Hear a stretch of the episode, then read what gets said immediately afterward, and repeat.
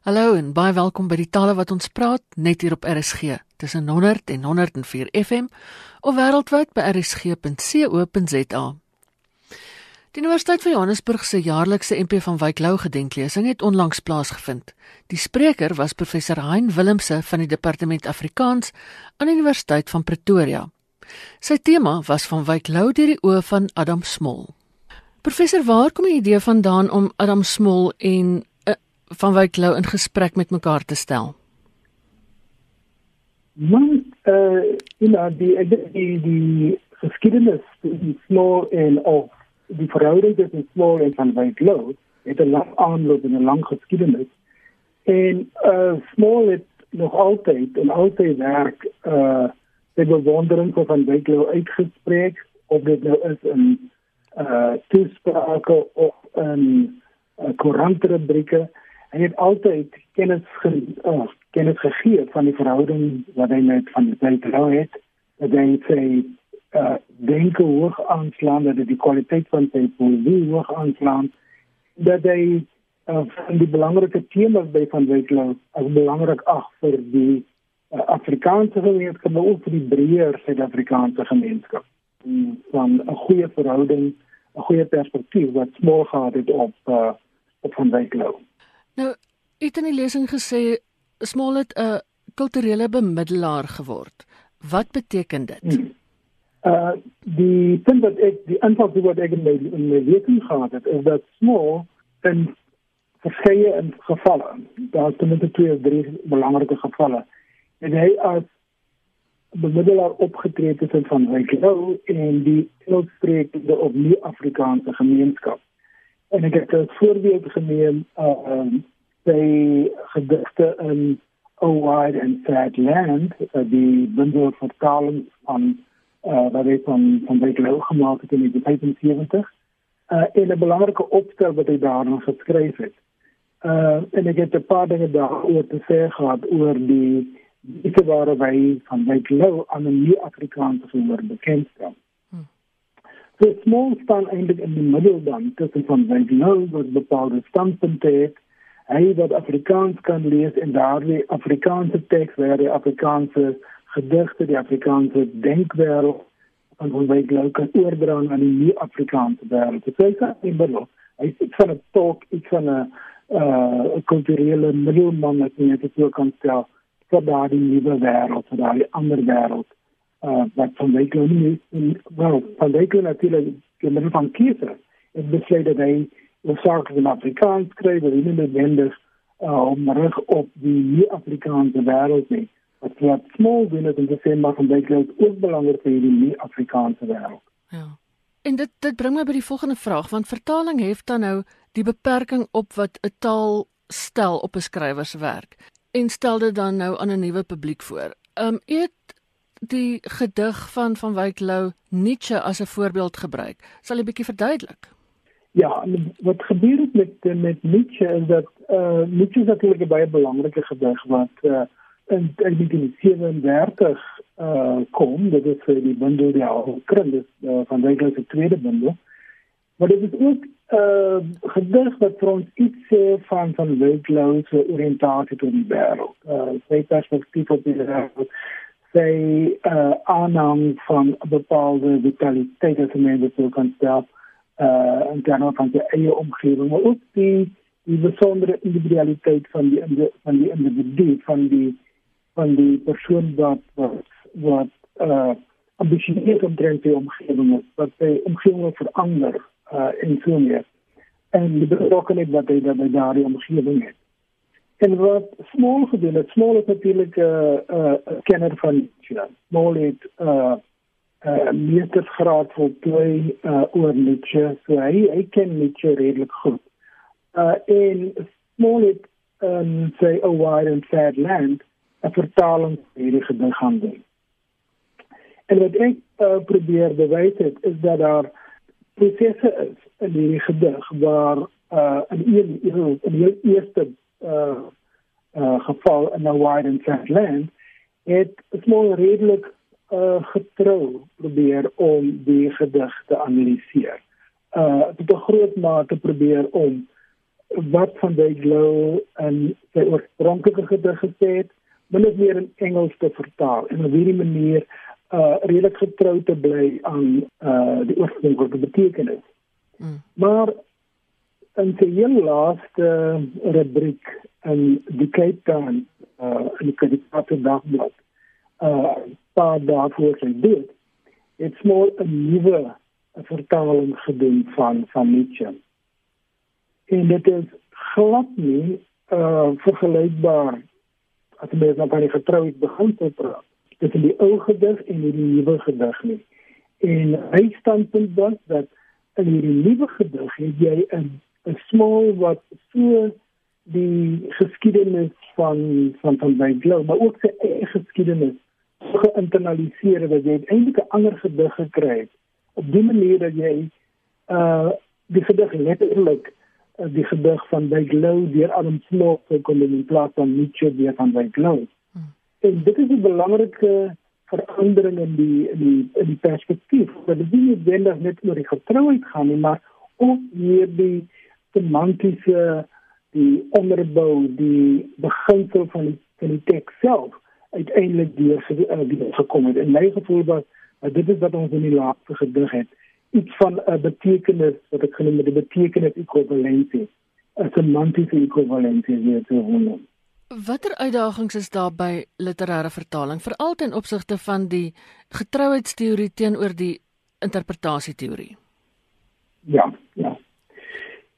Uh, uh, maar die vanmiddag ek het nie 'n uh, vertaler uh danig nie ek ken die teorie en praat oor spesifieke aspekte van die teorie daar.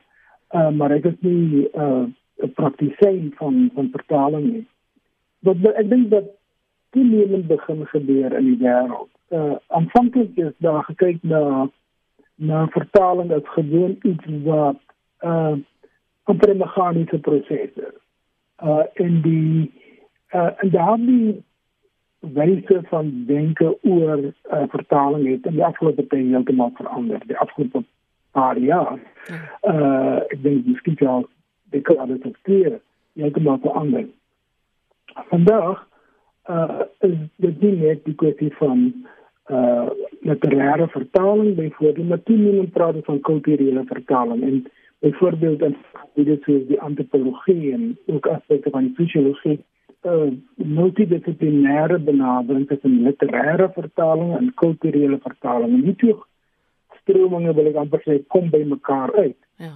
In die sin dat vertaling nie net meer meganies is maar ook dat dit 'n skepping is van 'n totale herskepping is van 'n totale kulturele omgewing. So die kulturele omgewing het eintlik ook uh, aangebied word. Uh dit dit uh, vertaling is altyd 'n moeilike ding uh dit kom by die by die literêre teks. Ja. Omdat die literêre teks altyd veel duideliker, meestal veel duideliker is. Dit is nie uh 'n te Koran berig wat um, probeer om een betekenis weer te gee nie. Die gedig of die roman of die drama uh waar die woord die taal absoluut kern in die kern staan van daardie van daardie uh gegewe is daar van die woord. En die veel daar daai veel duidelikheid kan eintlik nie maklik vertaal word in 'n ander taal nie. En uh, as 'n mens dan ook byvoorbeeld kyk na ander forme van vertaling byvoorbeeld waar jy orale tekste het of waar jy uh meer komplekse uh vertalings van kulturele praktyke uh en mense neem en agter dat die prosesse van vertaling beteken ook dat dit herskepping beteken ook seleksie hmm. beteken dat jy uiteindelik sekere keuses moet maak uh tussen sekere semantiese keuses moet maak sekere dat jy betekenis keuses moet maak en sekere grammatikale aanpassings maak aan die een kant Maar daar is ook ander aspekte wat wat wat ter sprake kom. En dit is byvoorbeeld dinge soos die vraag dat in die kulturele kwessie van dit uh, kulturele partners dat wat hulle noem functionalisering self uh, waar oorspronklike teks uh, in die in die nuwe taal in die nuwe kulturele konteks gefunctionaliseer word op 'n bepaalde manier sodat die betekenis na vore kom beter na vore kom Uh die die jy vertaal nie net die woorde van 'n teks, dit wil maar ook jy vertaal die totale konteks van daardie van daardie gegewe. En ek dink dit is deel van die toenemende kompleksiteit van vertaling, sodat literêre vertaling vandag nie net meer 'n meganiese woord tot woord vertaling is maar die vertaling van daardie totale omgewing, die totale konteks uh, om 'n beter begrip, beter betekenis en 'n omvattende betekenis uiteindelik vir ons weer te gee. U het in u lesing ook gesê Smal het 'n bepaalde interpretasie van van Wyk Lou se kultuurbeskouing gehad. Kan ek net kortliks hmm. sê wat u bedoel het? Wel, die Smal is aangetrek deur ehm uh, van Wyk Lou wat en die belangrike punt wat hy by van Wyk Lou het, is van Wyk Lou se poging om uit te reik. Ja.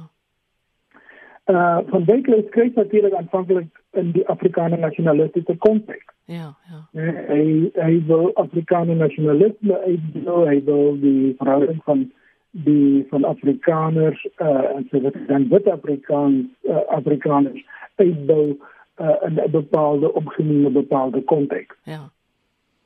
Uh so dit is dit is daar wel 'n nasionalistiese sambreel wil ek amper sê rondom rondom van Byklow. Ja. Wat Small probeer doen is om van die belangrikste aspekte wat hy by van Byklow optel en veral in sy latere werk waar van Byklow toenemend onder meer praat oor die verhouding tussen wit en bruin mense byvoorbeeld byvoorbeeld in sy in een van sy latere uh uh stukke veral in die voorwoord tot tot 'n belangrike teks sê die brein mense is ook ons mense. Ja. En van wyk is in in die dit is van wyk lou sê en 'n small mean dit is 'n baie belangrike kode want dit uh gaan oor die grense van wat uh Afrikaner nasionalisme in 1960 uh uh probeer doen het naamlik om uh Afrikaans 'n wit menstaal te maak en uh small sien dit as 'n as 'n poging as 'n manier oor daardie grense te kom. So dit is baie baie belangrike aspek vir hom. Uh 'n volgende aspek wat belangrik is is dat dat van Wyklou praat van die hoe leef jy rondom tradisie? Leef jy met tradisie as 'n status-quo as 'n ding wat onveranderbaar is of is dit iets wat aanpas, wat verander, iets wat oor die loop van jare verander? en van wykloos ten gunste van 'n uh, proses van van verandering, van aanpassing. Uh en small ek wil net hierdie twee aspekte as as as voorbeelde kan neem. Ja.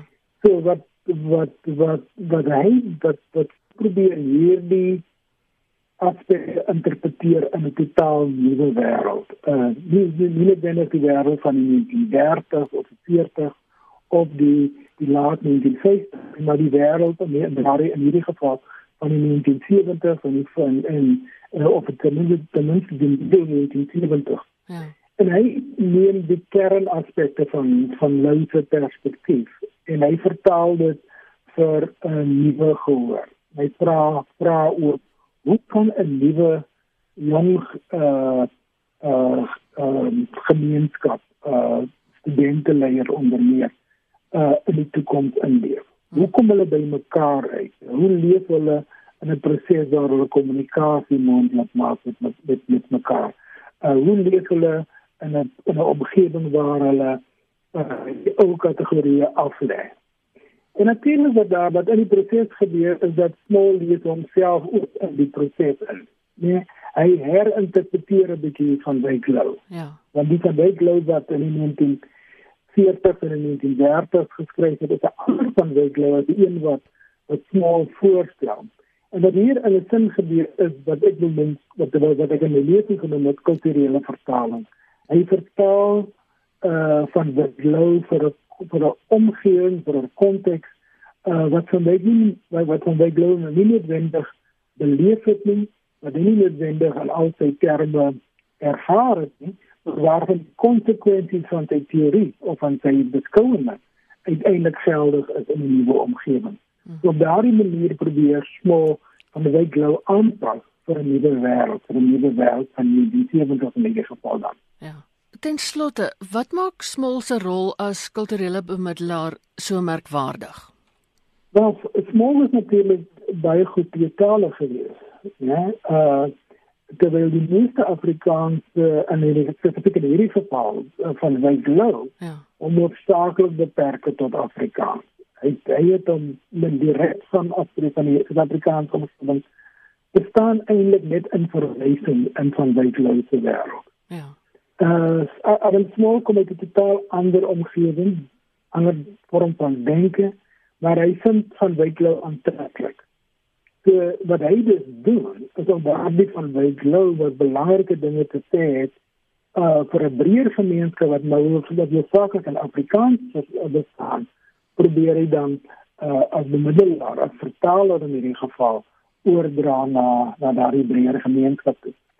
En in 'n sekere sin is dit 'n dit 'n absoluut belangrike aspek om na te kyk natuurlik want ons sit in die Afrikaans en dit is baie goeie voorbeeld van wat ons in hierdie land doen kan doen omdat ons sit vandag ook nog veral vandag in 'n situasie waar een van die groot probleme van ons land is juist dat mense nie met mekaar praat nie. Ja. En dit wanneer hulle ken mekaar se tradisies nie, hulle ken nie die tale nie en hulle staan antagonisties teenoor teenoor tale byvoorbeeld. Ja, mense wat teenoor Afrikaans antagonisties staan.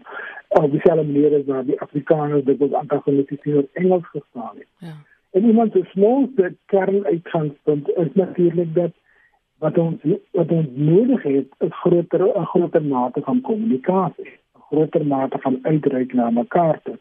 Uh en die idee van bemiddeling, kulturele bemiddeling, 'n kulturele vertaling is is uiters belangrik in daardie op. Dan hierdie so geval.